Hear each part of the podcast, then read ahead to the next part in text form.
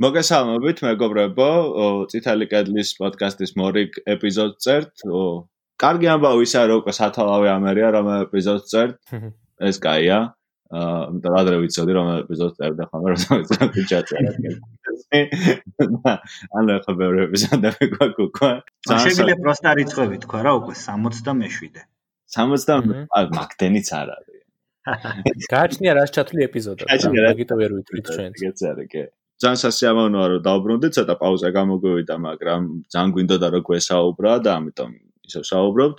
ჩვენი სტუმარი დღეს იქნება ალექსანდრე ლორთკიფანიძე, ჩე, როგორც მას აა ვეძახდით ხოლმე ახალგაზრდობაში და ახლა წასი არის ცნობილი ბევრი ადამიანისთვის. აა სანდრო როგორ ხარ? გამარჯობა. გამარჯობა, გამარჯობა, მოგესალმებით და არა მიშავს, რა ვიცი. გამარჯობა, პანდემიის პირობებში. აა რა არის იცი ძალიან ბევრი ადამიანის გულის წხრომა გამოიწვია მაგ კითხვაზე რამდენიმეჯერ პასუხის გაცემით და აღარცელ ხოლმე იმიტომ რომ კარგად იმიტომ რომ რაღაცნაირად ინტროვერტი ვარ მე მგონი დავადგინე და დავაზუსტე და ძალიან სიამოვნებდა ეს რომ მოცემულობა იყო ის რომ სახში უნდა მჭდარიყავი და არავის ყოველდღიურად არ მივსალმებოდი და მithumetes არ გადამეკოცნა და რაღაცა ეს აუცილებელი შეზღუდვები ძალიან კომფორტის ზონას მიქმნის რა. ხო და ეს ისე რა თქმა უნდა ხნახლა თქუნებით თორე ისე წუდია. მან თავის დაზღვევისთვის დაგზელი ნიშნულობა რატო არის, კაი და ისაც წუდია, კი. ყველა შეთანხმებული ვარ თქო წუდია. ნუ წუდია ბევრი რამის გამო, მოდი თქვათ ეს კორონა კორონას პირობები და პანდემია ბევრ ამაზე მოქმედებს, ხო? მოქმედებს აა ფსიქიკურ სიჯანსაღეზე, მოქმედებს ეკონომიკურ სიტუაციაზე, რაზეც დავიწყოთ მოდი საუბარი და მოქმედებს ძალიან ბევრ ურთიერთობაზე, რომელიც განაპირობებს ჩვენს ყოველდღიურობას, ხო? აა პირველად რაც არის ნუ სამხრეთის ამბავს მოდი გამოვახმაუროთ თავიდან ჩვენთან სიტუაციაზე გადავალ. აა სომხეთში როგორც ის არის ძალიან ისეთ რთული სიტუაცია, რა ძალიან მაწუხებს სიმართლე რომ გიხართ, იმიტომ რომ ძალიან ბევრი ძალიან გადაჯაჭვული არის ჩვენი და სომხეთის ბედი და ჩემი აზრით, კიდე შიშველი თვალთა შეიძლება ამის შემჩნევა, რომ აა დიდი ხანია მეზობლები ვართ, ბევრი სამეხი ეთნიკური სამეხი ცხოვრობს საქართველოში, საქართველოს მოქალაქეები არიან, ბევრი ქართველი ცხოვრობს დარწმუნებული ვარ ერევანში და სამხრეთში, ამიტომ ძალიან რთული არის უყურო ასე, ასე ვთქვათ, ჩამოშლას ჯანდაცვის სისტემის და გაჭირვებაში ქვეყნის ყოფნას, რა თქმა უნდა. თან ბევრი რამე ემატება, ხომ? ჩვენ გვინდოდა მოგვემზადებინა სამხრეთზე ცალკე ეპიზოდი გვინდა მოვამზადოთ, რომელზეც თუ იცნობთ ვინმეს ვის შეიძლება ქართულ ენაზე გავაპარაკოს, ან გაგვხარდება თუ შეგვატყობინებთ, იმიტომ ახლა მიმდინარე სიტუაცია და ეს შემდეგ, მაგრამ სამხრეთში მოხდა საინტერესო რამე, პატრონი მოხდა რომ გავაკეთოთ, ჯერ რაღაც ვარდების რევოლუციის გავსი რამე მოხდა საერთოდ. ხო, ახალი თავრობა მოვიდა, ეს ნეოლიბერალური ამბები ეს ის მეტი ინტეგრაცია, მეტი free trade, მეტი ეს ის, მაგრამ მაინც რუსეთი ყავთ ცოტა უფრო ფესკა გმული და არ ვიცი როგორ მოხდება და შემდგომ დაემართათ ასეთი შეტევა კორონას პირობების და ბევრი ის იყო დისკუსია საქართველოსში თუ როგორ უნდა მოიქცეს ამ დროს საქართველოს. ამას გადმოვალ შეკითხვით ორივესთან, ხო? ანუ იყო როგორი დახმარება უნდა გაუწიოთ, ბუნებრივია რა თქმა უნდა დახმარება უნდა გაუწიოთ, მე რა იყო რომ მოდი არ უნდა ჩავერიოთ სხვა ქვეყნის საქმეში, მოდი რაღაც მხოლოდ გავაგზავნოთ რაღაც ფინანსური დახმარება, შემდეგ იყო გავაგზავნოთ ადამიანები, ეს ადამიანების გაგზავნაზე, ვორკერების გაგზავნაზე კიდევ მე არ ვარ ჩამოყალიბებული რამდენად სწორია, იმიტომ რომ გარისკვა სხვის სიცოცხლის არ შემიძლია ის რომ მოუწოდო ვინმე სულ მაინც და საერთო ჯამში საბოლოოდ გამოვიდა ამიერკავკასიის და კავკასიის რეგიონის პრობლემები, ეს შიდა პრობლემებიც გამოავლინა, ხო, ამ კორონავირუსს. მე მგონი დისკუსია რო გჭირდება უკვე იმაზე, ვის როგორ უნდა დავეხმაროთ და შემდეგ გამოხატავს კარგად რამდენად გათიშული არის ეს ქვეყნები და ეს სხვადასხვა ჯგუფები ერთმანეთისგან, არა? კი, კი, ანუ ზოგადად მე მგონი ძალიან ცოტა მსოფლიოში ესე ესეთი რეგიონი, რომელსაც საკუთარი სახელი აქვს, ხო, რაღაც ამიერკავკასია და სამი ქვეყნისგან შედგება და ძალიან ჩატეხილია ხიდი სინამდვილეში ამ სამივე ქვეყანას შორის. მიუხედავად იმისა, რომ ჩვენ ოფიციალურად ომში არ ვართ არც სომხეთთან, არც აზერბაიჯანთან და ისინი ერთმანეთთან კონფლიქტში არიან, ჩვენგანაც ნუ ხო ვიცით ახლა ქსენოფობიურ დამოკიდებულებებს რო თავი დავანებოთ, ისედაც რაღაცა არ არის რა ამ ქვეყნებს შორის. დიდი მეგობრობა, პოლიტიკური ზედაპირული განცხადებების მიღმა, რა ვიცი, ძალიან ცუდია მაგხრივ ამერიკა-კავკასიის სიტუაცია. რაღაც თვათ ახლა ბენილუქსის ქვეყნებს და ეგეთ მაგალითებს არ გავიხსენებ, იმიტომ რომ გასაგებია იქ სხვა ფაქტორებიც მოქმედებს იმაზე, რომ ძალიან გადაჯაჭულები იყვნენ ერთმანეთზე, მაგრამ ნებისმიერ სხვა რეგიონი, სადაც ესე გამოკვეთილად რაღაცა ერთ ერთ სივრცეშია მოხვედრილი რამდენიმე ქვეყანა, ძალიან ბევრი რესურსი იძლევა იმისა, რომ ერთმანეთთან რაღაცა ეკონომიკური ურთიერთობები უფრო მაღალ დონეზე იყოს, პოლიტიკური ურთიერთობებიც მათ შორის და საზოგადოებრივიც, რა თქმა უნდა. აქ საკმაოდ ბევრ რაღაცა ბოღმასთან არის დაკავშირებული ყველაფერი და ძალიან დაბოღმილები ვართ ყველანი ერთმანეთზე. აი რა საერთოდ ის ექს თქვენი აზრით? ცინცა შენ გითხარი საერთოდ მაგას? აი, ან ნამდვილად არ ვიცი საიდან მოდის ხა, ანუ აა ისიც ანუ არ ვიცი ხა რეალურად მე არ მაქვს ხა მე არ მაქვს შევჭილება ესეთი რაღაც ამტრული განწყობები არსებობდეს, უბრალოდ კითხვა ალბათ რატო ვერ ითარგმნება ეგა რაღაცა იმაში რა ქვია. ხო, რაღაცა ტიპის ერთმანეთთან მეტი ამტრული განწყობა უნდა არსებობდეს. არა, ჩვენ სადაც სამხრეთ შორის ვამბობდი რა. სამხრეთ შორის ხო? ხო, უბრალოდ ეს კორონავირუსი იყო, მე მგონი რაღაცა ტიპის შესაძლებლობა და არის კიდევაც, რომ ანუ მივხვდეთ იმას, რომ ანუ შეიძლება პირიქით ყოფილიყო, ხო, ანუ ძალიან თავისუფლად შეიძლება ჩვენ ჩვენ დაგჭირებოდა, ხო, ანუ სამხრეთის დახმარება და თან ანუ როგორი ის არის, ხო, ანუ ხა ეპიდემიის ფარგლებში პრაგმატულადაც, ხო, მარტო იმ შემთხვევაში შეიძლება ამ ეპიდემიის მოცილება თუ რაღაცა მითანამშრომლობთ ერთმანეთთან, ხო, იმიტომ რომ თუ შენ მეზობელ ქვეყანაში აა ძვინვარებს რაღაცა ისა ეპიდემია ხო? შენს ცხადია რისკები გეზდება ხო? და ამ პანდემიის დროს მოხდა იგი შვიათი დამთხევა რომ რაღაც საერთო ინტერნაციონალისტური იდეალები სრულად ემთხვევა თვითონ პრაგმატულად რაც არის გასაკეთებელი იმას ხო? ანუ იდეალისტური კი არ არის აუცილებელი არის რომ ქვეყნებმა რაც კოორდინირებულად იმუშაონ იმიტომ რომ სხვანაირად ახლა ერთგან დარჩენილი ვირუსი შეიძლება ძალიანჩოლებულად ისევ დაბრუნდეს სხვაგანაც ხო? და სამწუხარო არის რომ მაგის მიუხედავადაც აა ესე იგი რაღაცა ისინი ჭარბობს მაინც მტრული ეჭვის თვალით ყურება ერთმანეთის სახელმწიფო დამოკიდებულებები და ისა რა ქვია გაუბედაობა რაღაცა იმის მოთხოვნის ინტერნაციონალიზმის. ანუ ნებისმიერ შემთხვევაში რაღაც მე ეგეთი შტაბიჭრილება შემექნა ყოველ შემთხვევაში რომ აა იმის ნაცვლად რომ მასობრივად თუნდაც წასულიყო განხილვა და მსჯელობა რომ აი რითი შეიძლება დავეხმაროთ და რა არის ადეკვატური აა რესურსი რითი შეიძლება დავეხმაროთ და ამ შემდეგ უფრო მაინც იჭარბა რაღაცა აი ბაგრამიანის ბატალიონი გაიხსენეთ ხალხო აფხაზეთში და რაღაც ანუ აი თუნდაც ქსენოფობიასაც რო თავი დავანებოთ, ხო?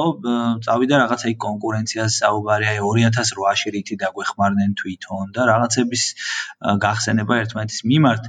აა საიდანაც შეიძლება რაღაცებში იყოს იმათის მარცვალი, მაგრამ რეალურად საზოგადოებრივი განწყობები არის სულ სხვადასხვა რამე რა, ანუ მე პირადად სულ ვიყავი ხოლმე რაღაც ბავშვობიდან, აი მაგ რაღაც стереოტიპების მსხვერპლი, რომ სომხები არიან ტიპები ну აი ძალიან ცნობილი стереოტიპები როა რომ ყველაფერს რო ითვისებენ და რო შოთა რუსთაველის ომეხი იყო რო იძახიან და თან რო ჩვენი მტრები არიან და სადაც გაუმართლებთ ფეხს ამოგვიდებენ აუცილებლად და ну პლუს ამას ემატებოდა რუსეთთან პოლიტიკური მეგობრობა მათი და ну მოკლედ რა სომხებზე გავრცელებული ყველანაირი стереოტიპი რაც არსებობს. როცა ვიყავი თვითონ პირადად ერევანში პირველად აი რაღაცა გაოცებული ვიყავი სრულიად სხვა სიტუაცია როცა დამხვდა. არ ვიცი ეს რამდენად ახლა კოკეტობა იყო თუ რეალობა იყო მაგრამ მათი მხრიდან ძალიან დადებითი განწყობები დავინახე, მით უმეტეს როცა იგებდნენ რომ ქართველი ვიყავი და არ ამგონია რომ იგივე საწყდებოდნენ ჩამოსული სომხები რაღაცა აი ქართველებისგან თუ ჩვეულებრივ ძალიან რიგით ქართველებს მოქვს საუბარი. და ეხლა ძალიან შორს წაგვიყვანს ეს საუბარი, მაგრამ მგონია რომ მაინც აი ამ ერებს შორის ბევრი ასე ლიტერატურულად რო ვთქვა, ბევრი ჩორტია ჩაგდებული და რაღაცებს ჭირდება გადაწყვეტა და ეხა რაღაცნაირად იჩინა ამან თავი. თუმცა ცოტა თუ გამიგრძელდება ეხა სიტყვა, იმასაც დავამატებდი, რომ როცა დახმარებაზე საუბრობთ და დახმარების ხელის გაწვდაზე, ანუ ცოტა შორიდან უნდა დავიწყოთ საუბარი და რაღაცა პასუხისგებლობას როცა ვიღებთ ადამიანები, რომლებსაც პირადად არ მოგვიწევს იქ ჩასვლა და მათი დახმარება და ვიძახით, რომ აი ექიმები უნდა გაუგზავნოთ აუცილებლად სომხებს, ხო? აა თუ ამას თვითონ ექიმები იტყვიან, კი ბატონო, განვიხილოთ მე. უხერხულია სხვანაირად, ხო? ხო, ანუ რაღაც ის მომენტია.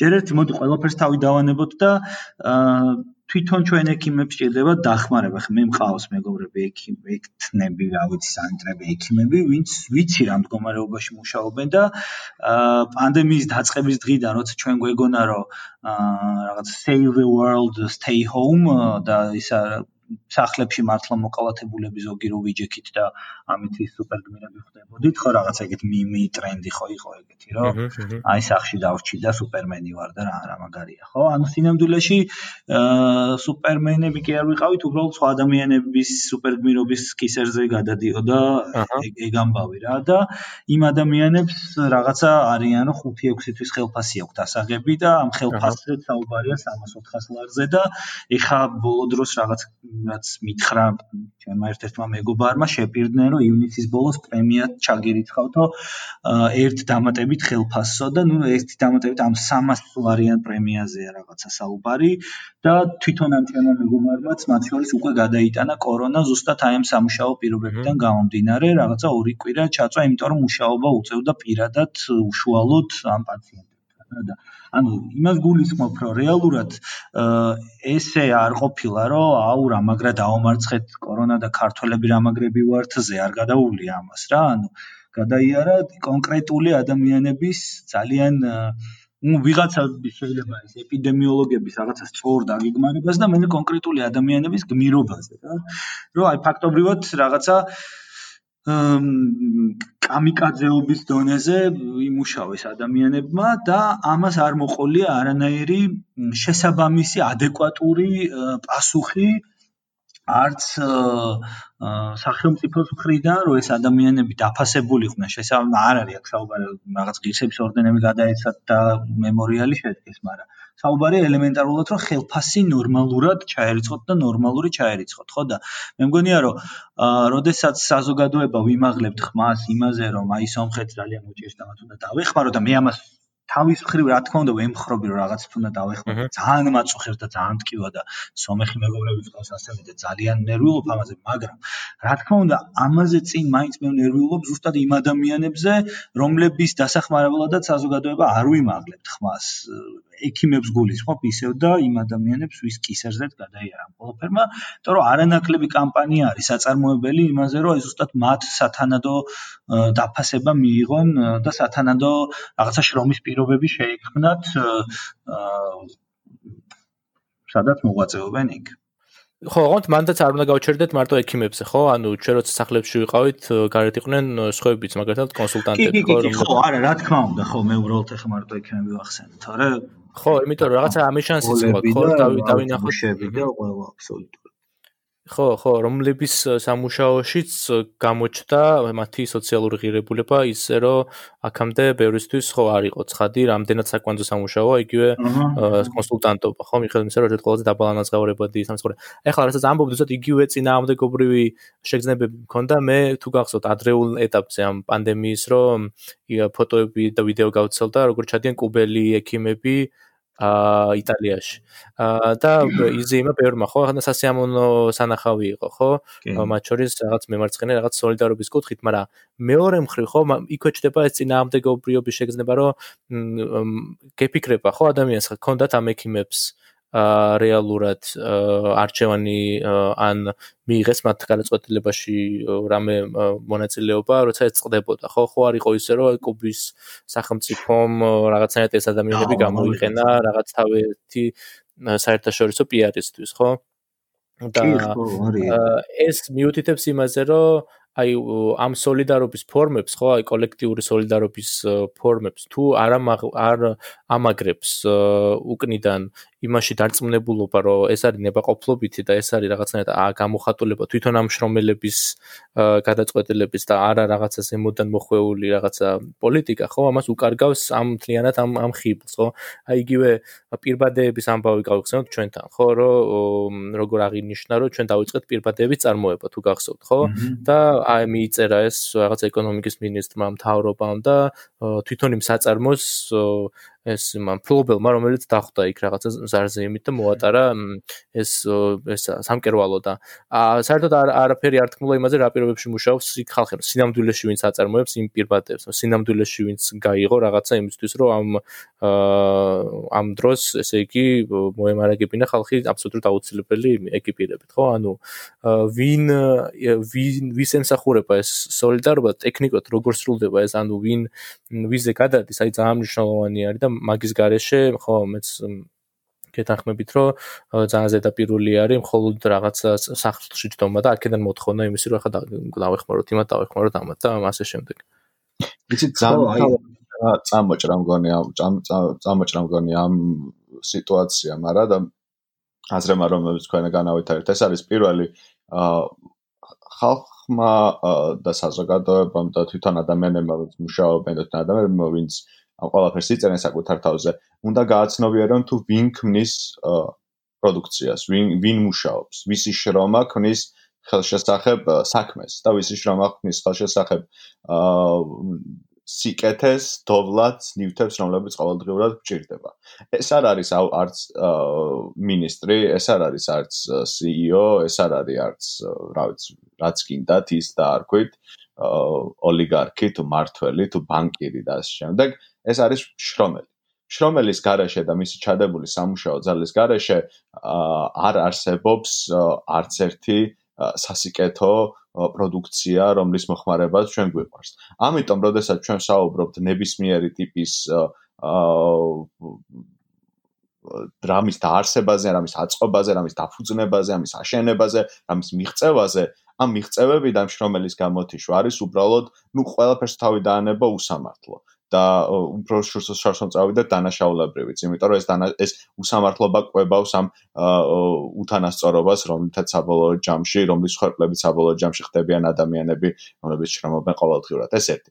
მეორე საკითხი რა უცილებელი, რაც არის ის ხო მე პერსონალის აა მე პერსონალის მიმართ მოპყრობა საერთოდ მთელს სოფლიოში და საქართველოსშიც რა თქმა უნდა ეს ტაშის აქცია რომ იყო ხომ გახსოვთ რომ გამოდიოდა და ხალხი ტაში ყავდა ხო ეს კი კი აი იმები ვცადებოდა რომ ხარ ექიმი მივადა ტაშ დაუკრავს სუპერმარკეტში რომ პროდუქტს მისცენ საჭმელი ან ტაშ დაუკარს რომ გადასახადი გადაუხადონ გაზის ან დენის ანუ რაღაცნაირად ეს კორონავირუსი მე მგონი კარგი დრო უნდა იყოს იმისთვის რომ დავიწყოთ იმაზე ფიქრი რომ ადამიანები რომლებიც შრომობენ განსაკუთრებით ასეთ სასიცოცხლო მნიშვნელობის ფრონტზე, ხომ, რაც არის ჩვენი ჯანმრთელობის დაცვა და ჯანმრთელობის დაცვაზე უფლება არის აბსოლუტურად მონიჭებული ჩვენთვის, ხომ? ისინი უნდა იღებდნენ ადეკვატურ დაფასებას. ადეკვატურ დაფასებაში გულისხმობ, რა თქმა უნდა, ღირსეულანე ცხოვრებას, ღირსეულ თანამონაწილეობას ჯანდაცვის პოლიტიკის შექმნაში და რა თქმა უნდა, ღირსეულ სამუშაო პირობებს. ეს დისკუსია საქართველოს სამწუხაროდ არაქართულ მედიებზე ვნახე. არ დამალავ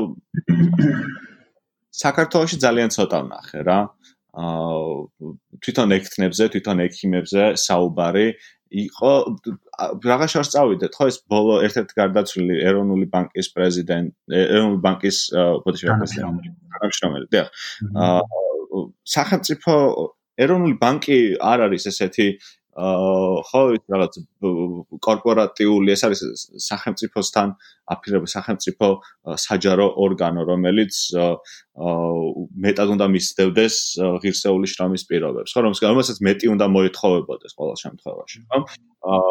თვითონ ამ ადამიანის შვილის კომენტარი იყო რომ სიცხიანი დადიოდა სამსახურში დიდი ხანი ანუ აშკარად სუდად იყო ადამიანი და მაინც უწევდა შრომა მაინც ვერ შეჩერდა ეს შრომის პროცესი რა. იცი აი ქართული საზოგადოებისთვის რომელსაც აი ძალიან უჭირს, ასე ვთქვათ, ძალიან გვიჭირს ბევრი რაღაცის გამო და ძალიან გვიჭირს ეკონომიკურად პირველ რიგში ყველას და არავინ არ ვართ ახლა პრივილეგირებულ პოზიციაში რომ შეგვეძლოს ის გავაკეთოთ რაც ყოველთვის გვინდა, ხო? ეს შრომა, როცა შრომის უფლება გვაქვს უკვე რაღაცნაირად ეს ჩავთვალეთ რომ იყო პრივილეგია, მაგრამ ამ პრივილე ამ შრომას თან მოყვება უამრავი საფრთხე და ამ საფრთხეებზე დისკუსიები უნდა დაწყებულიყო ჩემი აზრით. აი, რატომ არ დაიწყო ამას ნამდვილად ვერ ხედავ. რატომ არ აღმოჩნდით სად იმისთვის, რომ თუნდაც აი ეკთნების შრომის პირობებზე გვისაუბრა მეტი, უფრო მეტი ყოველ შემთხვევაში ვიდრე თუნდაც სხვა ქვეყანაში მიმდინარე მოვლენებზე.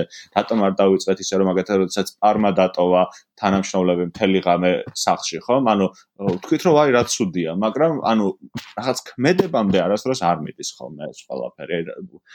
რატომ რატომ არ არის რას ფიქრობთ? აი რატომ რატომ არ გვადარდებს ეს საკმარისად? რატომ არ გვადარდებს ეს საკმარისად, რომ იმიტომ რომ საკმარისად რომ გვადარდებდეს ჩემი აზრით, უფრო ძლავრად მოვითხოვდეთ ამ ყველაფრის შეცვლას რა.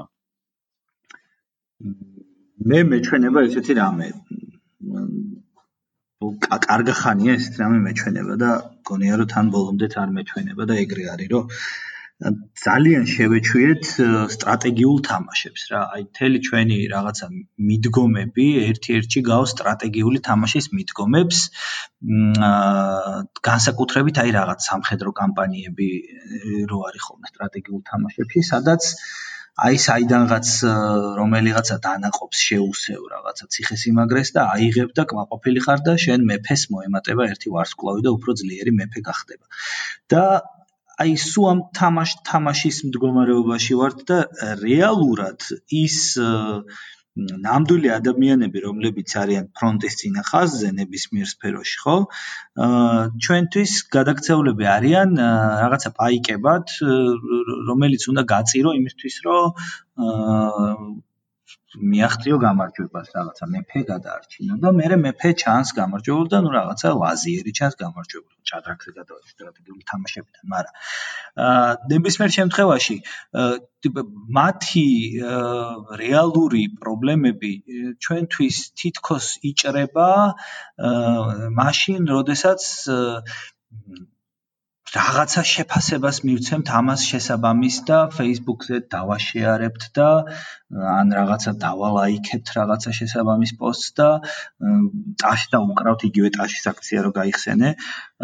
ანუ ძალიან ზედაპირული სოლიდარობის იმედად ვართ დარჩენილები და რაღაცა ეს ზედაპირული სოლიდარობა გვყვებავს საკმარისად გვანაყრებს და შესაბამისად მე ვთვლით რომ იცი რა აი მე ჩემი სამოქალაქო ვალი მოვიხადე და ტაში დავუკარი ხო და ამ ამ დროს იმის იქით რეალური შედეგები ამარ რა გამოიწვია ვერ დავინახეთ. აი ერთი თანამედროვე ქართველი ბუმბერაზი მოაზროვნე რო ყავს ყოფილი რაღაცის განათლებით გიანოდია? მოკლედ რაღაცა ისახში რა ვახსენებ. გიანოდი ამგანი უნდა მოვიწვიოთ, ისახში რა ვახსენებთ ხო? ხო, ანუ თან ფაქტიჩალი ლორდი ვოლდემორი ვის სახელიც არის თქმის და იმიტომ რაღაც იმით ხო, იმიტომ რომ ჰეროსტრატეს სპონჩი არის, ხო, ძალიან მეტი პოპულარიზება არ უნდა გაუწიო და დაივიწყოს მის სახელს. ну, მოკლედ ადრე ეგეთი რამე თქვა, რომ ხაო ხა აიო ну რაღაც მოკლედ საბჭოთა კავშირის კრიტიკა ხო ძალიან ბევრნაირი ფორმით ისმის ხოლმე რა და მათ შორის რაღაცა ყველანაირი ზედაპირული ვულგარიზებული ფორმითაც და ერთ-ერთი იყო რომ აი თანამედროვე ბავშვებს რო ეხა სუპერგმირები ყავთ გმირები რა და ეს სუპერგმირები რო ძალიან ფერადები და საინტერესოები და მრავალმხრივები არიან და საბჭოთა ბავშვებს რო კოლმეურნეობის შრომის გმირები ხავდათ რა და რაღაცა ეს კოლმეურნეობის შრომის მედალი რო იყო მთავარი მიღწევა რა და აი ამის შედარებაზე იყო საუბარი და რა არის კოლ კოლმეურნეობის შრომის გმირები რო იყვნენ ეგ იყო კარგი.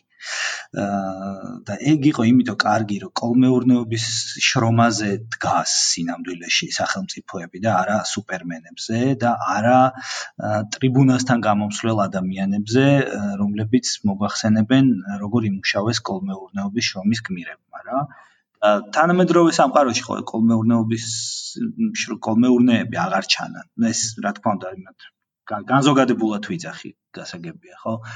აა აღარ ჩანან ადამიანები აღარ ხდებიან გმირები ადამიანები რომლებიც უბრალო მარა აი ჭანჭიკურად ყველაზე მნიშვნელოვან საქმეს აკეთებენ. ხო ანუ რაღაც ერთი ჭანჭიკიც რომ მოიყეს კოსმოსური ხომალდი ვიცით რომ აფეთქდება და ის ჭანჭიკი ძალიან მნიშვნელოვანია და ზუსტად ამიტომ აქცენტის გაკეთება ეგეთ ადამიანებზე არის სისტემურად ძალიან მნიშვნელოვანი რაღაცა რა აი არა იმაზე რომ კარგი მენეჯერები კი ბატონო კარგი მენეჯერი კარგია კარგი დირექტორიც კარგია და კარგი ხელმძღვანელიც კარგია მაგრამ საერთოდ ვერაფერს ვერ გახდება კარგი შრომელების garaში ხო? და ჩვენ არ არ მოგწონს რა რაღაცა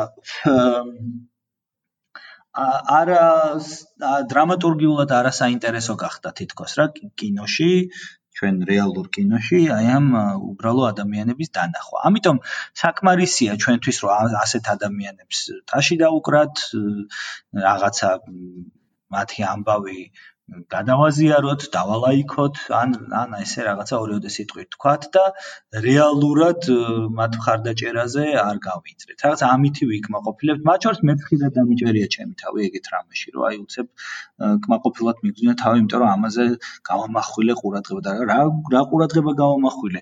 ეხა იმ ექიმებს ხო, ვიზეთ საუბრობდი, ისევ იგივე ხელფასი აქვს. იმის მაგივრად რომ აა არ ვიცი რაღაც პეტიციები ეს პეტიციას მე ჯერ შედეგი მოტანილი არ მინახავს, მაგრამ პეტიცია იქნება თუ რაღაცა კამპანიის ატეხვა იქნება თუ ამდენი კრეატიული ჯგუფი რომ მუშაობს საქართველოში, იმათმა მაინც გაამახვილონ ყურადღება რაღაცა ფორმებით და იმაებს რა ქვია პირბადეებზე მავთულ ხლართების დახატვას მოდი რა რაღაცა ქმედით რაღაცაზე გავამახვილოთ ყურადღება და მოვითხოვოთ, რომ იმ ექთნებს კონდეთ 400 ლარი მაინც ხელფასი და არა 300 ლარი.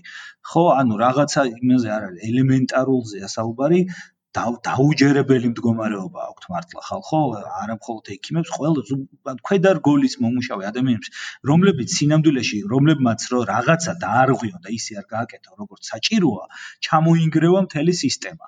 მაგრამ ისინი არ ჩანან და ამითი ქულებს იწერენ რაღაცა ზედარგოლები რომლებმაც მომენტ ხო რაღაც მომენტში რაღაცა რო ისე არ გააკეთო როგორც საჭიროა შეიძლება სისტემამ ინერციით მაინც იმუშაოს. და იმ ქვედარგოლის მომუშავეს შეცდომას კიდე ვერ გაიტანს ინერცია რა. ხო და აი ეგ არის რა რაღაც მე ეგრე მეჩვენება რომ აი სტრატეგიულ თამაშებში ვართ ჩარჩენილები და არა უშავს რა აი სტატისტიკის თემაა როცა ქვედარგოლს ეხება საქმე და ზედარგოლზე უკვე რაღაცა სახეები ჩანს და პერსონაჟები და მთავარი გმირები შემოდიან და დანარჩენი ყველაფერი ანტურაჟი თუნდაც მედიაც ხო უწყობს მაგას ხელს, რომელიც გასწრებით რომ მეტად აინტერესებს ხოლმე ეს რაღაცა პირო რაღაცა პირადი ისტორიები ძალაუფლებაში მყოფი ადამიანების ეს ელიტებს შორის რაღაცა კინკლაუბები და რაღაცები და ეს დანარჩენი აი როგორც ამბობთ, ისოთ მაშინიძე იძენს მედიაში ყურადღებას და მნიშვნელობას თუ რაღაცნაირად ეხება აი ელიტურ რაღაცა თამაშებს და რაღაცა ელიტებს შორის რაღაცების გადათამაშებას. რა ხო დღეს უყურებდი და სინამდვილეში ხო ანუ აი პრობლემებს როგორ ფიქრობენ და რა ესახება პრობლემებად მაგის მაგალითად შეგვიძლია გავიხსნათ იმ დღეს უყურებდი ტელე პირველს და ესე იგი გადაცემა მიძვნილი იყო იმაზე რომ ესე იგი კერძო სკოლები კერძო სკოლებში ვეღარ იხდიან გადასახაც მათ და ასე იგი მოწოლმას თუ მაგრამ მაგალითად მოიყვანა მის ერთ-ერთი კლიენტი მოსე მოწოლის ნომერი იყო რაღაცა ტიპის იურისტი და თქვა რომ ხალხზე კონცერტები გადაედო და 3000 ეურო აქვს გადასახდელი სკოლაშიო და ესა რა ქვია ვეღარ იხდისო რა. და კერძო სკოლები თუ დაიკეტებაო ეს საშინელება იქნება ქართული ეკონომიკისთვის იმიტომ რომ კერძო სკოლებში უამრავი ადამიანი არისო დასაქმებულიო რა ანუ აი რაღაცა უცნაური მიქსი არის ელიტური ის ინტერესის და მე იმის გასაღების რაღაცა უცნაურად ეკონომიკურ ეროვნული რაღაცა ჭრილში რა. ანუ აი სხერპლად ვინ წარმოგვიდგება ამ კორონა ვირუსის ერთი მხრივ და მეორე მხრივ ვინ წარმოგვიდგება აა გამოსავლად უნდა დაიცალოს პოლიტიკურად სუბერსიული, ესე იგი ან მისგან მიგნებებისგან, როგორც იქნებოდა ის, რომ მშრომელები ყოფილან ძალიან მნიშვნელოვანი ეკონომიკაში, ხო და უნდა შეიფაროს სახელმწიფოსთვის აა ესე იგი სახელმწიფოსთვის კომფორტული ანალიზით, როგორც არის ის, რომ გახარიამ დავუშვათ რაღაცა სწორად დაორგანიზა ან ესე იგი პირბადეების წარმოება დაიწყო ნათია თურნაო საქართველოს. ხო, რაღაცნაირად მთელი მედია მუშაობს მაგაზე, რომ აა ესე იგი ეს მოთამაშეები აა სწორად სწორი როლები, სწორად გადანაწილდეს როლები რა ამ პანდემიის დროს, რომ სწორედ დაალაგდეს ეს სიუჟეტი, ისე რომ იქიდან რამე სუბერსიული არ გამოვიდეს. იმიტომ რაღაც არის სუბერსიული იმაში, რომ თქვათ, რომ ყველაფერი ყოფილა დამოკიდებული დაბალანაზღაურებადი მშრომელების ყოველდღიურ შრომაზე რა. თუმცა ეგ ძალიან არ გაუცნაურება, ანუ ის ანუ ობიექტურად რა შევხედოთ, ხო? ანუ ისეთ ქვეყნებში, სადაც ეს ფინანსი ფინანსიალიზაცია ქართულად სწორად თქვი არ ვიცი. არის ტრენდი ბოლო რამდენიმე წელია და ეს white collar თეთრსაყელოიან სამსახურებისკენ არის მეტი აქცენტი და მან ხელით შრომაზე, ფიზიკურ შრომაზე ნაკლებად დგას ეკონომიკა და ამ შემდეგ და ამ შემდეგ. ოკეი, ანუ მან ხვდები ამ ტრენდს, ხო? მაგრამ საქართველოს ასე არ არის რეალურად, ხო? ჩვენ არ ვართ ეგეთი financialized ასე ვთქვათ საზოგადოება. აა ეს საოფისე და ფინანსური ინსტიტუციები იმდენად არ წარმართავენ ეკონომიკას, რამდენადაც წარმართავს ეკონომიკას ადამიანების შრომა, ანუ ჩვენ არ ვართ ეგეთი ისე ვთქვათ next level გვიანი კაპიტალიზმის პერიოდში მყოფი ქვეყანა, ხო ახლა? და აი ეს რატო აქ რატომ არის ასე? ამას ვერ ხვდები მაგრამ. ანუ ეგეც არ არის ხალხი ბანკები ხო, ერთი ეგ არის კიდე რომ ანუ ეგეთი ეგეთი ეკონომიკა არ გვაქვს, მაგრამ ვიქცევით თითქოს გვაქვს ეგეთი ეკონომიკა.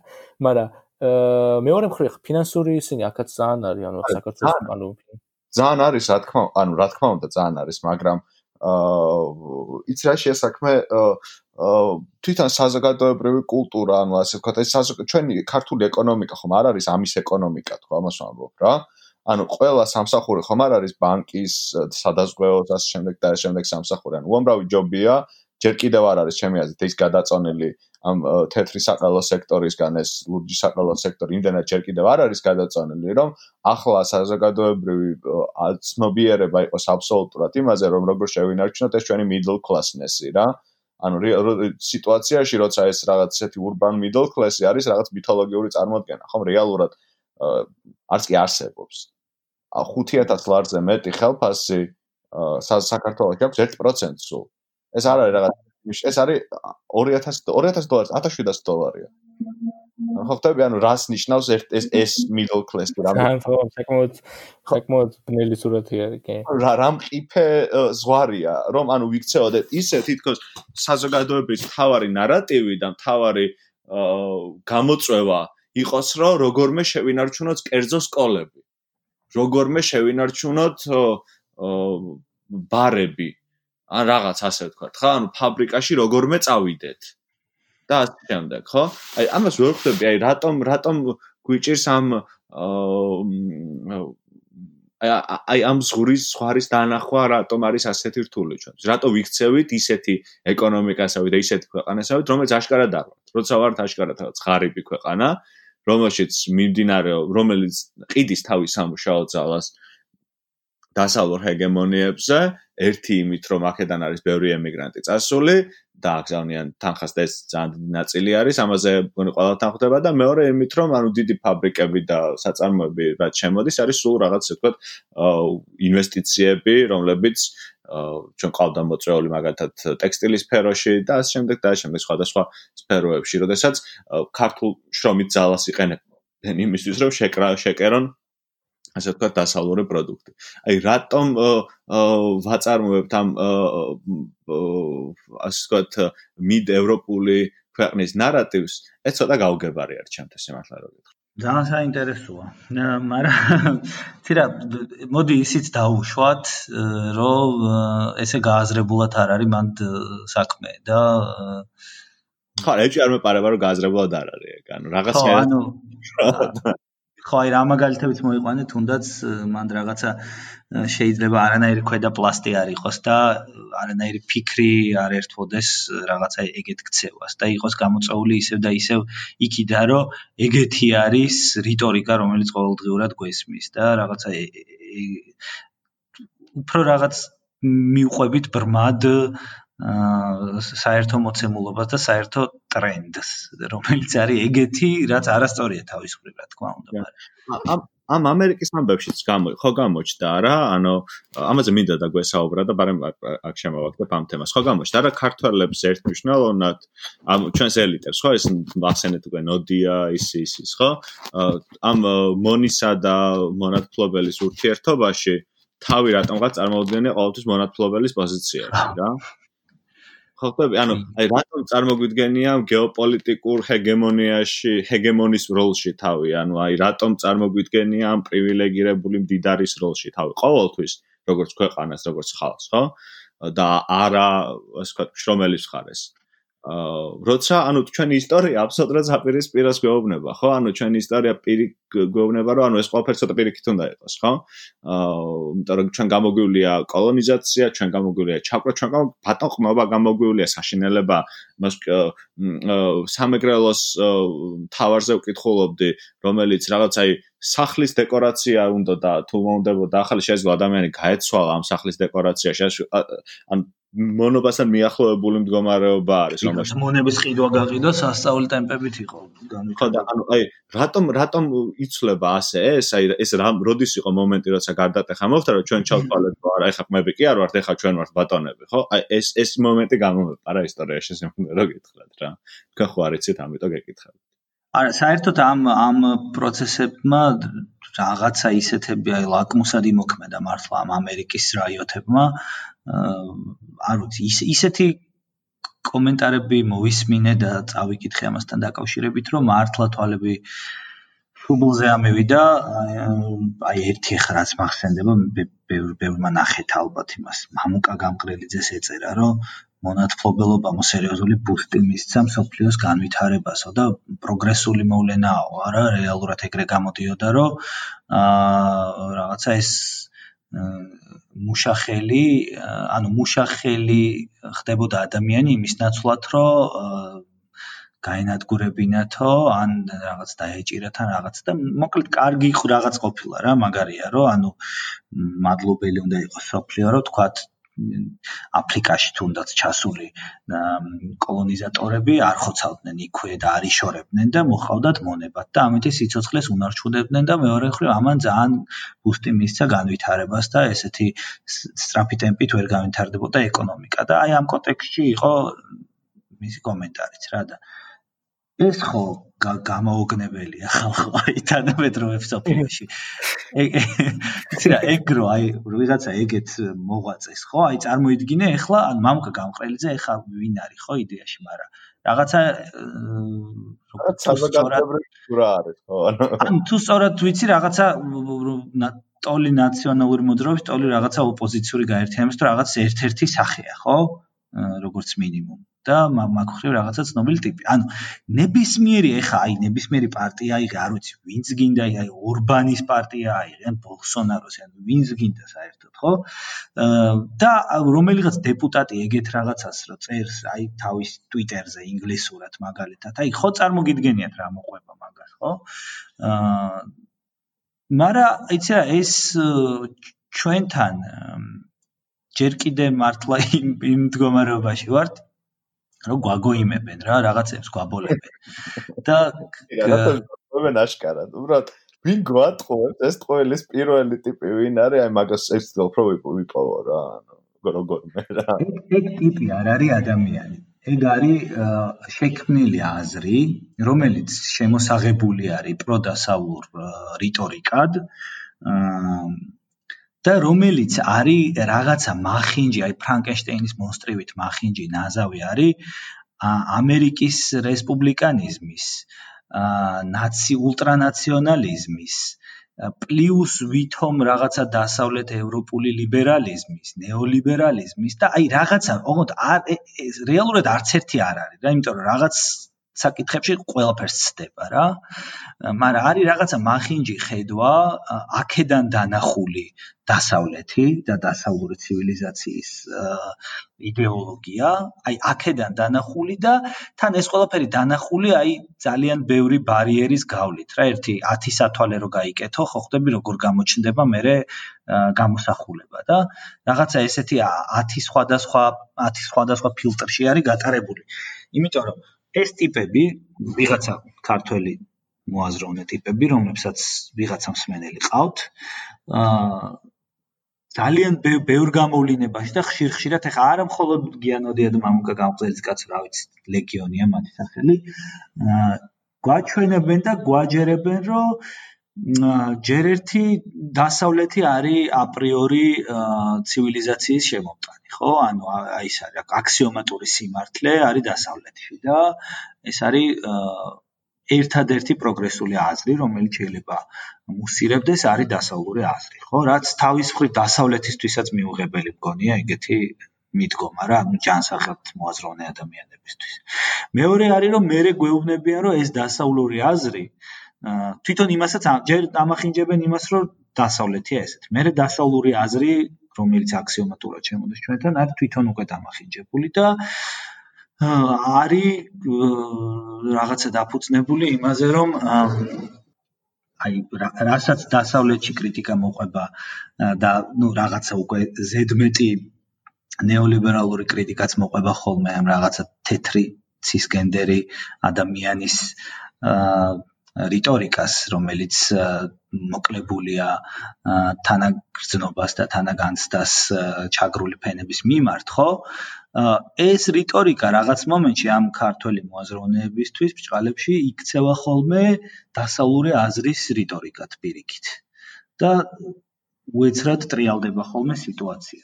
მერე პლუს ამას, აი ამ რასისტულ კონტექსტში ახლა რაც ტრენდული არის ჩვენ გარშემო,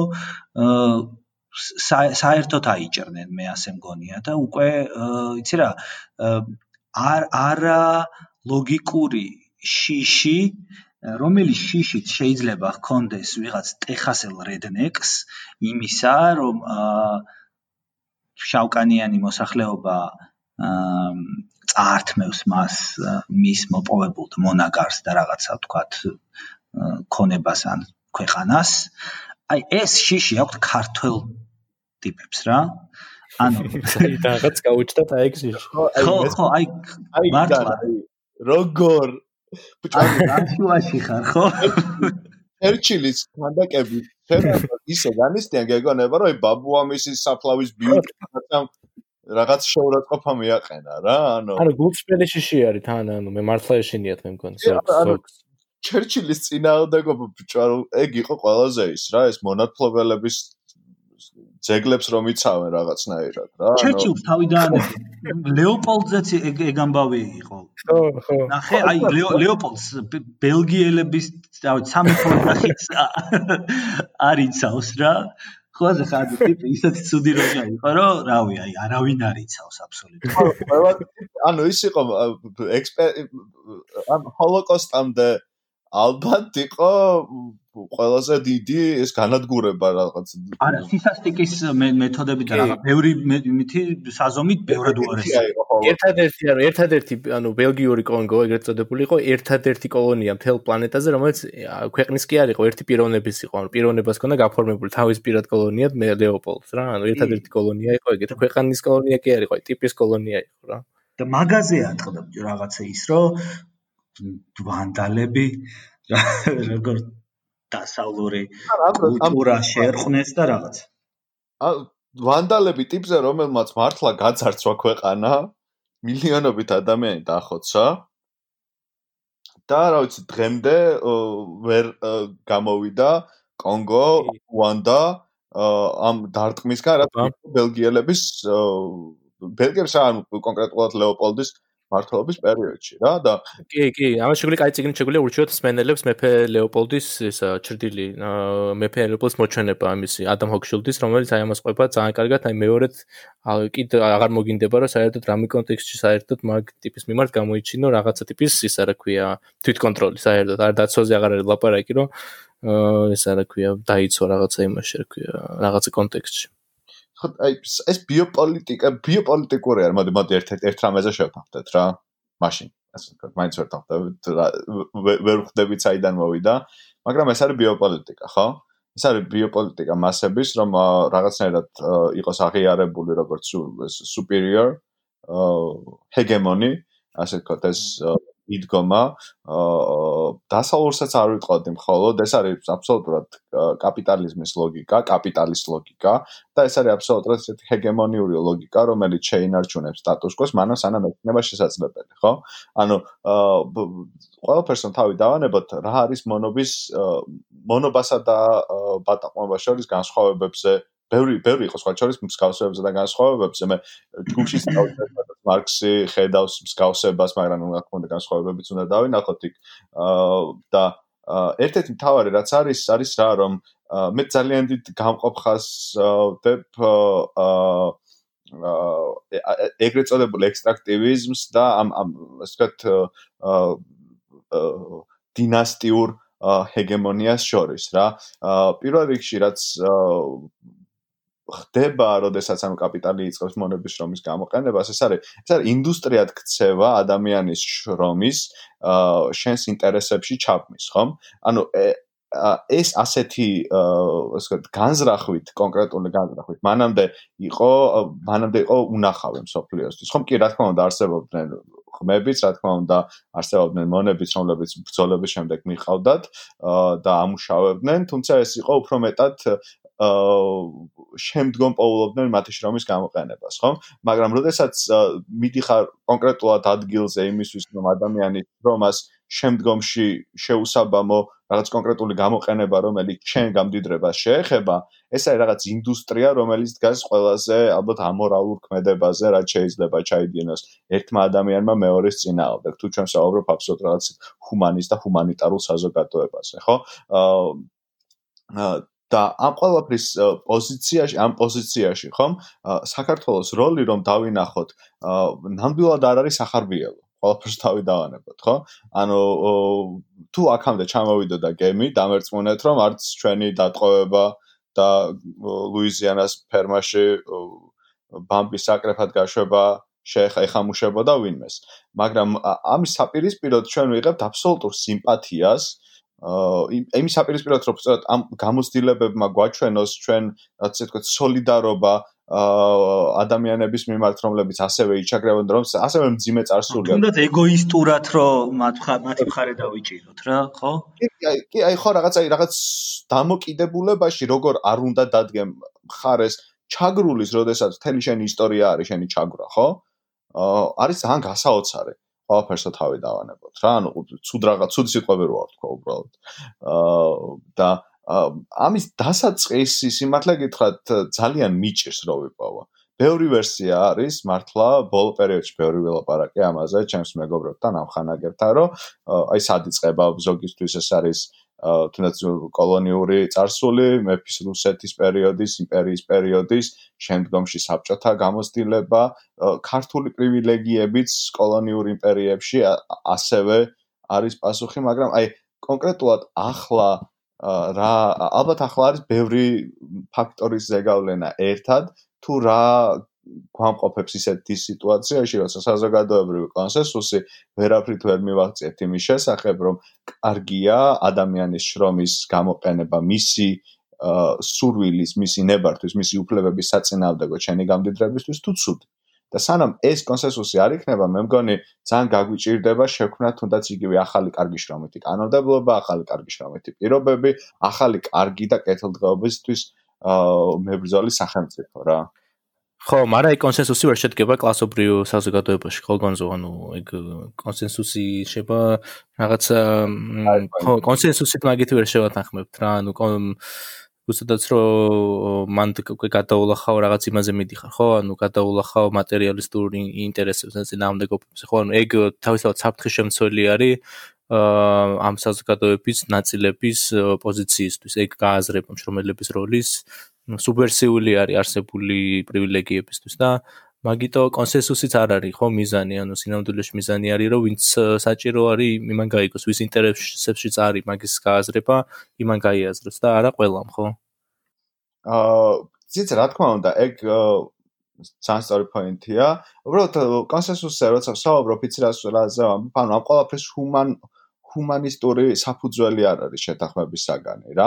ანუ მაგათად იგივე პრობლემის წინაშე, თუნდაც იგივე შრომის უფლებების და შრომის პოლიტიკის კუთხით, ბევრი ქვეყანა დგას, თუნდაც იგივე ამერიკა დგას, ხო? აა თუმცა აა ასე ვთქვათ, ეს ჰუმანისტური შეთანხმება, ჰუმანისტური კონსენსუსი შესაძლოა ითქვას, რომ მეტი არსებობს იმის შესახებ, რა შეიძლება გააკეთო ადამიანთან ურთიერთობაში, როცა ხარ დამქირავებელი ამ კომპანია, ვიდრე აქ. რას ფიქრობ არ არის ასე? აა ხო, რა თქმა უნდა, მაგრამ აი ეს არის ხო, ანუ თავისთავად რაღაც აი ამ სუპერსიულობის გააზრების ამბავი არის რა. ა კი, ეგ ერთი რაშია იცი საქმე, აი არ ვიცი როგორ ჩამოვაყალიბო. იცი აი ყველასთვის ძალიან ნათელია ის, რომ ამ ყველაფრის გააზრება და გაგება ძალიან რთული იქნება მათთვის, ვინც ახლა არიან გარკვეულწილ პრივილეგია, ჰეგემონიაზეც არ ვიტყვი, ჰეგემონია უფრო რცელი თემა არის, ხომ გარკვეულწილად პრივილეგირებულ პოზიციაში. და ბუნებრივია ადამიანებს, რომლებიც დაალაგდნენ ამ პრივილეგირებულ პოზიციაში, საკუთარ პრივილეგიებს არ უნდათ რომ შეერგენ. აა აა რა თქმა უნდა. მაგრამ იცი აქ მივემართები უფრო მეტად წრილ ბურჟუაზიულ საზოგადოებას, ხო? აა რა თქმა უნდა არ უნდა შეგვან და ამიტომაც ეს არის ძალიან დიდი ნაწილი რატომაც ისინი დღესაც ქადაგებენ ამ ანტაგონიზმ მემარცხენეობის მიმართ. ხო, რასაც საზოგადოებაში ჩვენ ახლა საზოგადოებაში ხშირად ვაწყდებით სამივეს ქონია ალბათ ამის გამოცდილება. ჯგუფურის და პირადიც, ხომ, რომ ეს ჩვენი 90-იანების დისიდენტები, რომლებიც შემდგომ რაღაც კულტურულ და ინტელექტუალურ საზოგადოებრივ ელიტებად ჩამოყალიბდნენ, თესავენ ანტაგონიზმ მემარცხენეობაში, მემარცხენეობის მიმართ იმიტომ რომ რა თქმა უნდა ესმით რომ გააზრება რომელსაც ჩვენ თავაზობთ საზოგადოებას მათ პრივილეგიას შეუქმნის რა თქმა უნდა საფრთხე. ხო, არა მარტო ეკონომიკურს თან, იგივე აკადემიაშიც, ხო, ეხა იმ პროფესორებს დაუშვათ, ხო, რეალურად. მიანოდიას გაუჭirdება პროფესორობა ალბათ კიდევ. ხო, მემარცხენე პრინციპების გარშემო მოწყობილ აკადემიაში, ხო, დაუშვათ. კი, კი, მაგრამ ანუ იც რა შეიძლება საქმე გარკვეულწილად მათი ნაწილშიც კი მე ყოველთვის ხედავ ხოლმე განწყობას რომ აა თუ რაღაც რაღაც ნაწილში შესაძლოა დავინახოთ, რომ არსებობს თანხმობა იმაზე, თუ რა არის რაღაც ესე ვთქვათ წითელი ხაზი, რაც არ შეიძლება რომ გააკეთო, ხო? რაღაც ნაწილში სამწუხაროა, რომ ამ წითელ ხაზსაც კი ვერ ხედავთ, რა. აჰა. აი გარ შემზარავი, გარ შემზარავი ნაწილი უკვე რა.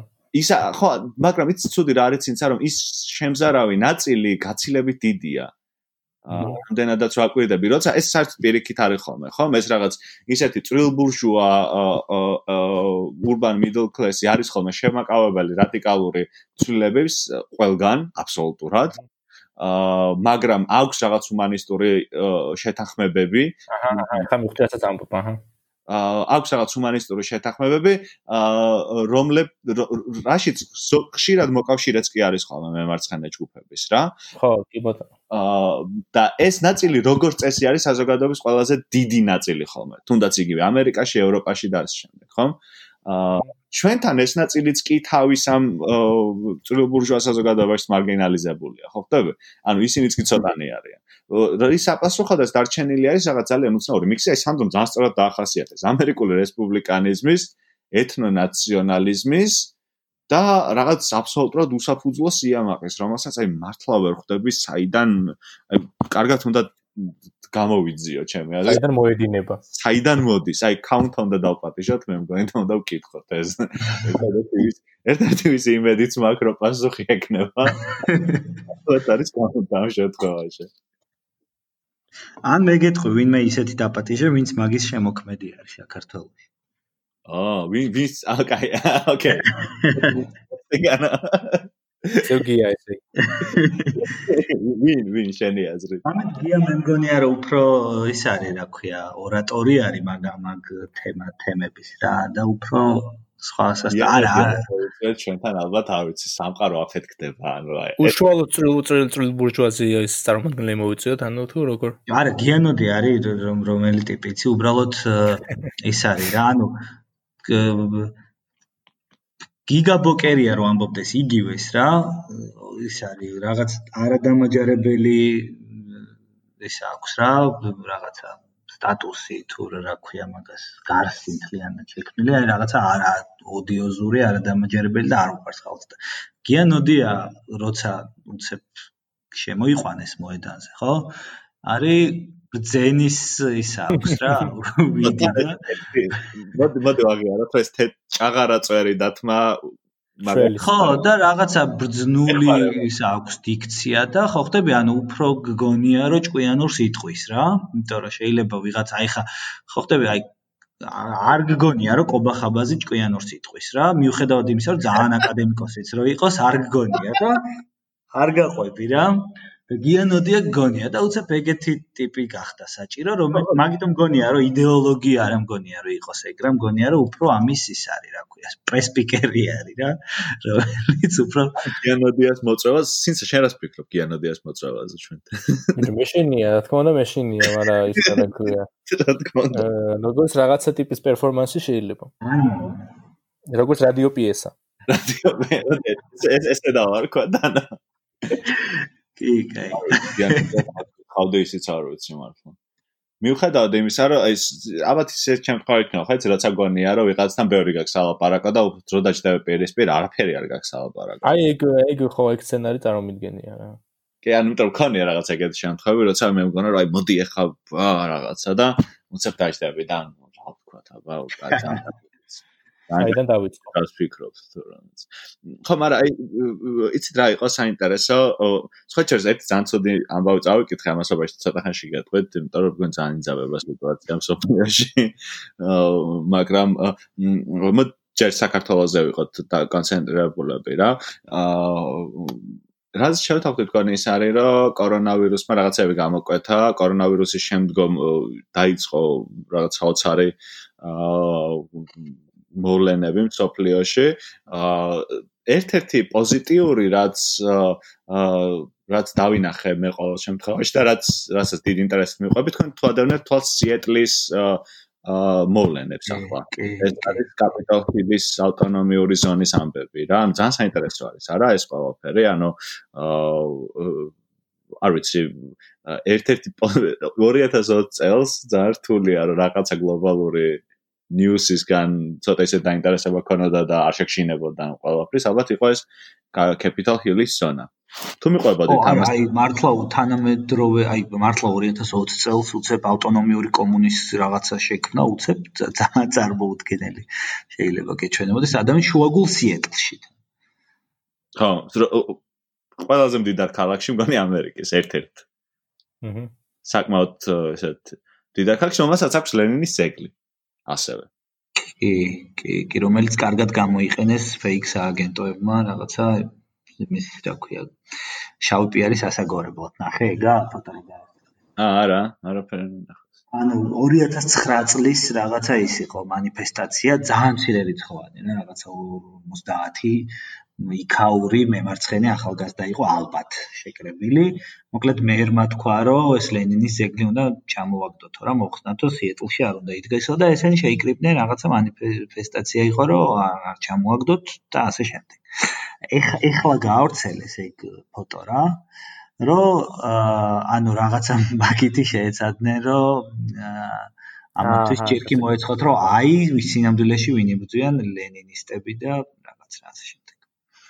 ისე საინტერესო არის რომ ისტორიულად ანუ მე წაკითხული მაქვს რომ თვითონ აი კომუნები კომუნებიც რაღაც იმას ვირუსივით არის რა, ანუ მემარცხენე კომუნები რაღაც პერიოდები აქვს თავისი, რომ როდის ესე თანადროულად ხდება როგორც წესი ბევრგან სოფლიოში 19 საუკუნეში იყო ეგეთი პერიოდები, როდის იქნებოდა და იშლებოდა ხოლმე კომუნები. 70-იან წლებშიც იყო ეგეთი პერიოდი ბოლოს, რომ ანუ რაღაც მომენტში პოლიტიკური ველი ხდება ისეთი, რომ რაღაც მემარცხენეები, რადიკალურად განწყობილი მემარცხენეები გამოსავალთ ხედავენ ხოლმე, მას რა ქვია, აი ესე რაღაც ავტონომიური სპონტანური კომუნების ორგანიზებას და აა ეგს უნდა მაგაში ის კითხვა თვითონ დავსვათ გარდა იმისა რომ საინტერესო არის ყველაფერი ამ სიეტლის ავტონომურ ზონაზე და ძალიან საინტერესოა თვითონ როგორ ახერხებენ თვით ორგანიზებას და ასე შემდეგ.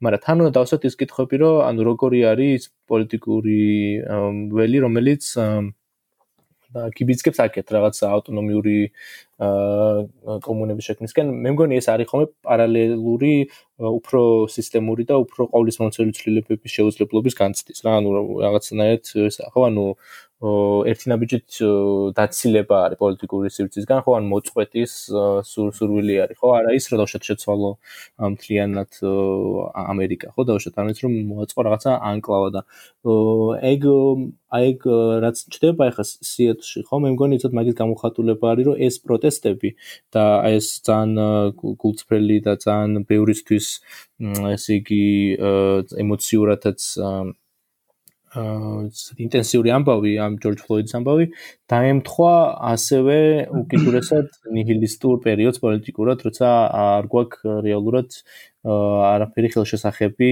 სისტემურ ცვლილებებთან დაკავშირებით რა და აი ეგ წინააღმდეგობრიობა ასაზრდოს პროტესტის ფორმებსაც და მე აი ამ რაღაც თუ მართლა მოხდება ესეთი მოძრაობასავით, რომ რაღაც ავტონომიური ისინი დაარსდეს რა ზონები, მგონი რამდენიმე კიდე გამოჩნდა კანადაში ვკითხულობდი რაღაცაზე და მაგაზე დაკვირვებაც გავაგზავნოთ. ხო, ერთ სიტყვას ჩავაგდებ უბრალოდ თქვენის ნებართვით, რომ პრინციპში ესე კი ხმარობთ ამ სიტყვას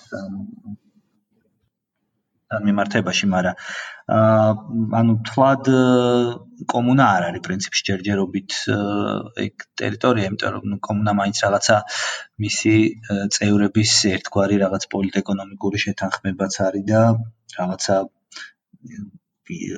ხან იდეოლოგიური სარჩული აქვს, ხან რაღაცა სხვა მხრივ ის აკავშირებს. ამ შემთხვევაში მე მგონია რომ უფრო რაღაცა ის არის კონკრეტული ბრძოლის ფრონტზე გაშლილი ბანაკია, რომელიც ხო რაღაც კონკრეტული არის შენიშნა არის ნამდვილად, კი? ხო, რაღაც თუმცა რა თქმა უნდა, რაღაცა გვაგონებს, აი იგივე გიორგიმ რაც აღნიშნა, სხვა ისტორიის სხვადასხვა ეტაპზე შექმნილ კომუნებს, რომლებიც რომელთაგან ზოგიერთები აა ჩანასახში არ შექმნილა ესე რომ დასხდნენ და აი მოიფიქრეს წესდება და რაღაცა და აი ზუსტად აი ესე ბრძოლის ფრონტზე შეიქმნა და მე უკვე ჩამოყალიბდა როგორც გამართული კომუნები.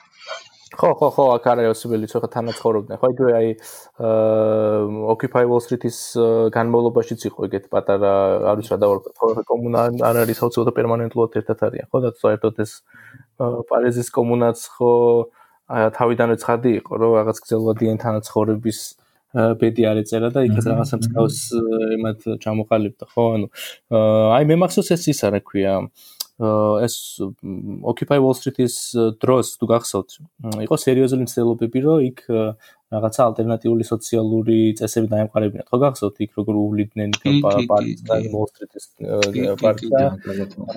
ბევრი პროდუქტული რაღაც გამოვიდა იქიდან.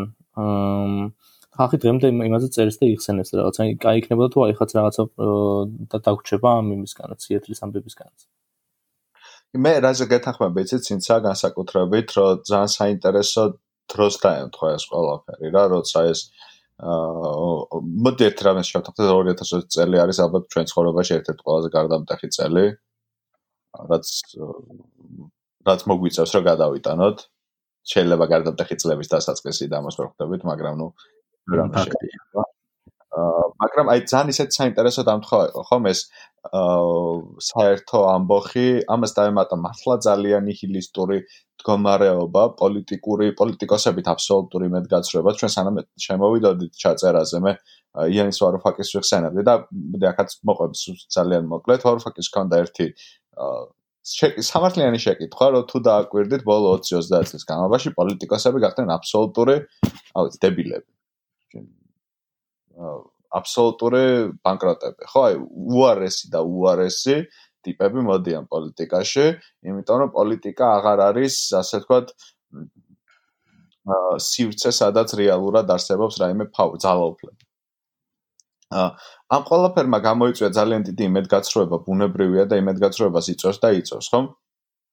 აა არჩევნების რამის შეცვლის ილუზია ვინმეს თუ დარჩა კიდევ არ ვიცი, მართლა. აა არა მარტო ამერიკაში, საქართველოსშიც არ ამგონია რომ აა კიდევ ჯეროდეს რომ ვიღაცა მოვა და რაღაცას გააკეთებს თუ ჩავდგებით და ყველანი ხმას მეცემთ, ხო? და ეს ყველაფერი ბუნებრივია იწვევს ადამიანების რეაქციას და ამ რეაქციის შედეგი მგონია მეც უბრალოდ ასეთი კომუნალური გაერთიანებები. აა საკითხავი არის ერთი რომ აა ბუნებრივია ამ ყველაფერს მხარს უჭერთ, მაგრამ რამდენად ფიქრობთ რომ აი ამ კომუნას შეიძლება რომ გამოიწვიოს სხვა კომუნების გაჩენა კიდევ? და თუ ფიქრობთ რომ საერთოდ ესეთი გზა ბძოლის არის ნუ საინტერესო სტრატეგია როგორც მინიმუმ. როგორც მაქსიმუმ წარმატების გარკვეული გარანტიც კი. მე უფრო პესიმისტურად ამ შემთხვევაში განწყობილი.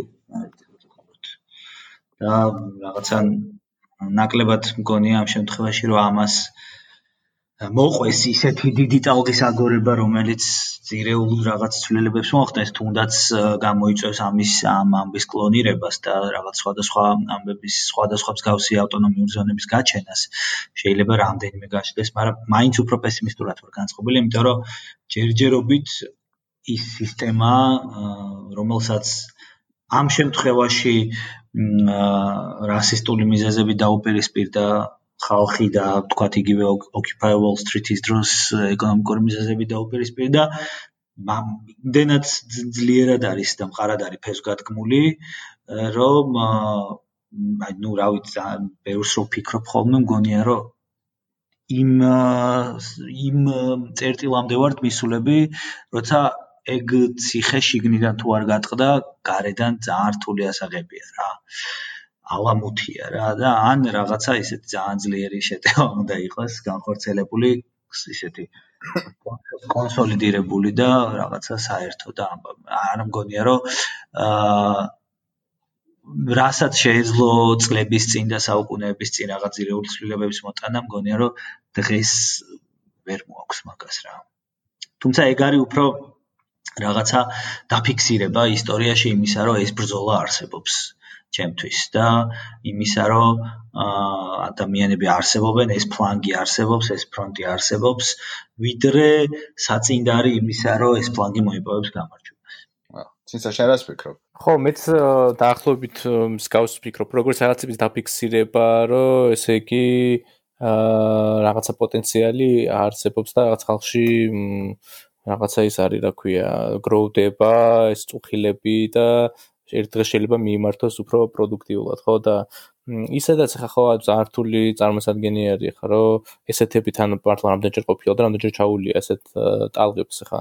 აა იგივე რასობრივი ამ ამბებისაც და ეს ეპიდემიაც ხო აი ის ამბავი არის უბრუნდებით ხომ იმ თემას რომ თვითონ კრიზისი საით წავა თავისთავად როგორც წესი განსაზღვრული არის კრიზისამდელი სიტუაციით ხო და ამ გარემოში თული წარმოსადგენია რომ ახლა რეალურად რაღაცა სუპერსიული პროცესების აა საწინდარი გახდეს ზუსტად იმიტომ რომ თვითონ კრიზისისთვის მომზადებული არ იყო თვითონ მემარცხენე ფლანგი ხო? ანუ არ არ იყო მზად არავინ არანაირი ინსტიტუტები არ იყვნენ მზად იმისთვის რომ ამ პროგრეს ეს პროგრესი მიემართათ ცნობიერად განსხვავებულად და ასე შემდეგ და ეხა თუ არ იყვნენ მზად ეხა ხო ანუ ერთ-ერთი შანსი არის რომ რაღაც აქედან ეს არამზაობის მინუსები დავინახოთ და იმის ის დავინახოთ რომ თავისით არაფერი არ ხდება რა ერთი სიტყვით. ამ რაღაცნაირად ცოტა ეგ ოპტიმისტი ეგ ოპტიმიზმტურობა თან ის ის არ უნდა გამოვიდეს რაღაცა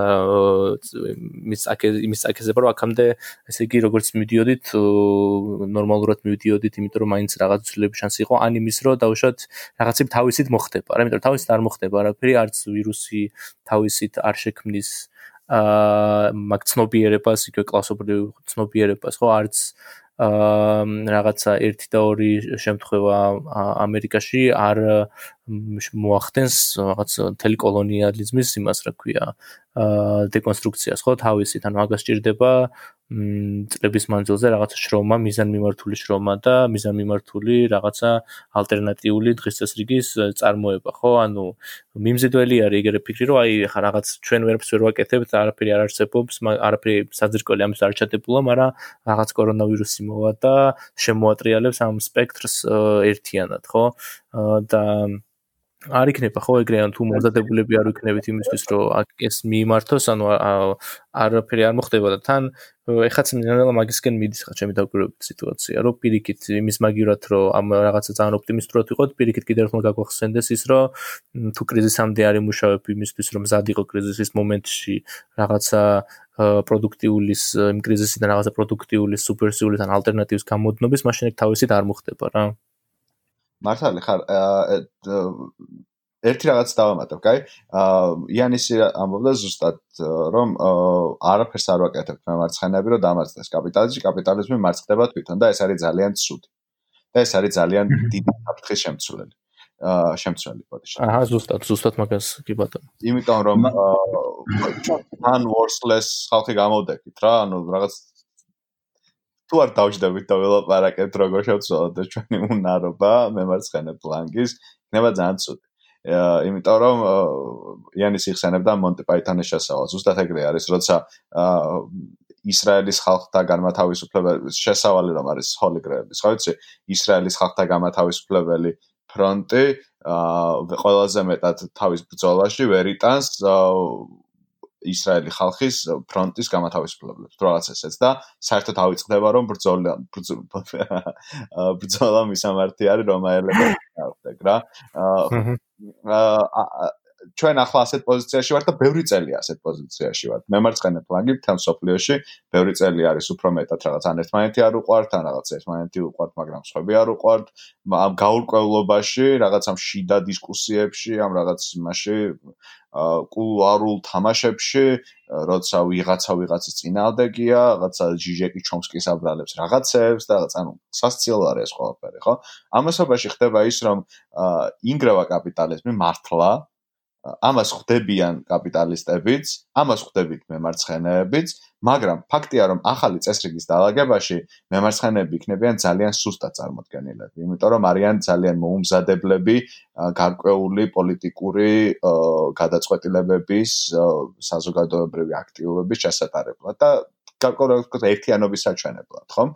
და ერთი რაც ყველაზე მეტად მახსენდება კაპიტალიზმი როცა ჩავარდა სადღაც 31 წელს. ამან წარმოშვა თავის დროზე ფაშიზმი და ძალიან მეშინია კაპიტალიზმის პროვარდის შემდეგ, აა, როდესაც თავიდან გადაიწერება ახალი და დაიწერება ახალი მექანიზმი, რომელიც ეკონომიკურ და პოლიტიკურ ცხოვრებას დაორგანიზებს, სათავეში ისევ არ აღმოჩნდნენ მემარჯვენეები, თუნდაც რომლებიც აბსოლუტურად სხვა ვერსიას შექმნიან ახალი სამყაროსი და ის ნამდვილად არ იქნება ჩემი აზრით უკეთესი იმაზე, რაც ახლა გვაქვს. ამიტომ მეც რაღაც დასაწყისში მქონდა ოპტიმიზმი კორონავირუსის მიმართ, მაგრამ მე რაღაც მე მგონი მივხვდი რომ ჩვენი პოტენციის გამოგვიხარია ეს კორონავირუსი, უბრალოდ ჩვენ რაფერს ვერ ვაკეთებ. კი, კი. ჩვენ რაფერს ვერ ვაკეთებ და ვირუს ხალხს გააკეთებს. ახლა ასე არ იქნება რა თქმა უნდა. რაღაცები არის ჩვენი გასაკეთებელი და უნდა გავაკეთოთ. თუ ვამბობთ რომ ვიღებთ რაღაც პასუხისგებლობებს და ჩვენი გვაქვს წარმოქმნა უკეთეს მოწყობაზე სამყაროზე ეს მოწყობა უნდა შევთავაზოთ და ეს უკეთესი მოწყობისთვის რაღაცა უნდა გავაკეთოთ. თორემ ხედავთ დასასრულს ამ ეკონომიკური მოდელის ახალი ნამდვილად არ იქნება უკეთესი თუ ასე გაგრძელდა ხო? აი და დავამატებ და დაგეთახმები პირველ რიგში და დავამატებდი ერთ რამეს რომ აი ვარუფაკისის სიტყვები გაიხსენე შენ და მე კიდე გამახსენდა ანტონიო გრამშის ერთ-ერთი თეორია რა ეს ჰეგემონიის თეორია რაც იყო რომ ნუ ბურჟუაზიას და კაპიტალისტურ ელიტას აქვს ყოველთვის თავისი ჰეგემონია რომლითაც ის მართლობს ადამიანებზე და საზოგადოებაზე და იმისათვის რომ ბურჟუაზია დამარცხდეს, არ არის საკმარისი ბურჟუაზიის დამარცხება, საჭიროა counter ჰეგემონიის შექმნა, რაღაც ალტერნატიული ჰეგემონიის შექმნა, რომელიც აქეთ ამ ამ ხარეს გადმოიყვანს და იმ რაღაცა ბძოლის ველს რა, ანუ რაღაც ომის პოზიციას მოიგებ იმით, რომ შენ შენ უნდა გახდე ჰეგემონი ამ შემთხვევაში. თორემ ნებისმიერ შემთხვევაში, ნებისმიერ სხვა შემთხვევაში აა დამარცხებულ კაპიტალისტურ ჰეგემონიას აქვს უნარი, რომ თავიდან შექმნას შემდეგ ეს ჰეგემონია, ან თუნდაც თვითონ შექმნას აა ეგრეთ წოდებული რაღაც სიმულაციური მტერი, რომელიც სინამდვილეში თვითონ ის იქნება და თავი დაიმარცხოს, ასე ვთქვათ და აღდგეს თუ რეინკარნირდეს იმ ახალ კაპიტალისტურ ჰეგემონიაში რა. ხო, და აი ძალიან სწორი რაღაც თქვი შენ რეალურად და ნუ ვარუფაკისმა თქვა რომ ის რომ კაპიტალიზმი მარცხდება თავისით იმის გარეშე რომ მემარცხენეებმა გამიმარჯვონ აა რეალურად შეიძლება იმის საწინდარი გახდეს რომ დამარცხებული კაპიტალიზმის ფერფლზე ისევ კაპიტალიზმი აღმოცენდეს, რაც შეიძლება მე მართლა ორმაგად დამოუყელი იყოს იგივე როგორც ფაშიზმის შემთხვევაში იყო და ეს ფერფლი რაღაცა სასუქივით მოქმედებს ხოლმე და ძალიან კაი ნიადაგია დღესდღეობითაც მაგისტრის შექმნილი რა. ამ პოზიტიურ ნოტაზე ძალიან ფაშიზმის მოლოდინში ამ ამ ოპტიმისტურ ნოტაზე ამ იმედიანი ზერით რომელთაც ჩვენ უყურებთ 2020 წელს. აი ფანჯრების ჩამოფარება მზერის ყურებას აღარ არის, აი რომ ფანჯრები ჩაკეტო პროსტა. მოდი იცი როგორ დავასრულოთ, რომ აი ეგ ეგ სუმაწუხებს რა და ვიცი რომ თქვენს გაწუხებთ და ალბათ ბევრს კიდე რომ აა კარგი ამ ყოველთვის განხილვა მსჯელობა გააზრება და გაანალიზება და მოდი ამ ყველაფრის კვალდაკვალ მართლა რაღაცა ძალიან ჩვეულებრივი მარტივი, მაგრამ ფიზიკური და პრაქტიკული ნაბიჯები გადავდგათ იმისთვის, რომ დღეს აქ და ახლა უბრალო ადამიანებს, რომლებსაც ეხლა ყველაზე მეტად სჭირდებათ დახმარება, რაღაცნაირად ერთად დავეხმაროთ. აი მოდი რაღაც თუნდაც იგივე ამ კორონავირუსით დაზარალებული ადამიანები, ვინც არიან იგივე ეს ექიმები იქნებიან თუ რაღაც ქვედარგოლში მომუშავე სხვა მშრომელი ადამიანები, აი ყველამ რაღაცა თუნდაც რაღაცა ხმა ავნაღოთ მათ ხარდასაჭერად და მოვთხოვოთ სახელმწიფოს თუ კომპანიებს, რომ უკეთ შეაფასონ და უკეთ დააფასონ მათი ღვაწლი. კი ბატონო, უერთდები მეც დიდი სიამოვნებით რაღაც არ არის თან არ არის ხო ხა ეგ არჩევანი გასაკეთებელი რომ აი ხა აი ხა გავაკეთო რაღაცა ხელშესახები თუ ვიჩნდე და სტრატეგიაზე ვიფიქრო ხო? ანუ არ უშლის ხელს ერთმანეთს რომ დღეს და აქაც მოვძებნოთ რაღაც ვიღაცებისთვის შემსუბუქების აა ხელშესახები გზები და თან რა თქმა უნდა ვიფიქროთ უფრო მასშტაბურადაც და უფრო სისტემურადაც. აა მოდი ჩვენ ჯგუფსაც მივმართოთ ადამიანებს რომლებიც ჩვენს Facebook ჯგუფში ერთიანდებიან მოდი მართლა რაღაცნაირად დავიწყოთ საუბარი იმაზე, რომ რა შეგვიძლია გავაკეთოთ კონკრეტულად ექთნების და სამედიცინო პერსონალისთვის, რომელთა შრომის უფლებებსაც სჭირდება დაცვა, რომლებსაც სჭირდება დაცვა და რომლებსაც სჭირდება ჩვენი თანადგომა იმისთვის, რომ მათმა ბრძოლამ არ ჩაიაროს მხოლოდ და მხოლოდ ამ არ გადაიაროს მხოლოდ და მხოლოდ ამ ტაშზე, რომელსაც აბსოლუტურად არანაირი გამოყენება არ აქვს რა. მეც შევერთები სანდროს ამოწოდებას, დაგემშვიდობებით, ძალიან დიდ მადლობას გადავხდი სანდროს სტუმრობისთვის. მადლობა თქვენ, მეგობრებო. დიდი დიდი მადლობა კიდევ. ნახვამდის და მომავალ შეხვედრამდე, იმიტომ რომ როგორც აღმოჩნდა, არ ვაპირებთ გაჩერებას ნამდვილად. ნახვამდის, კარგად.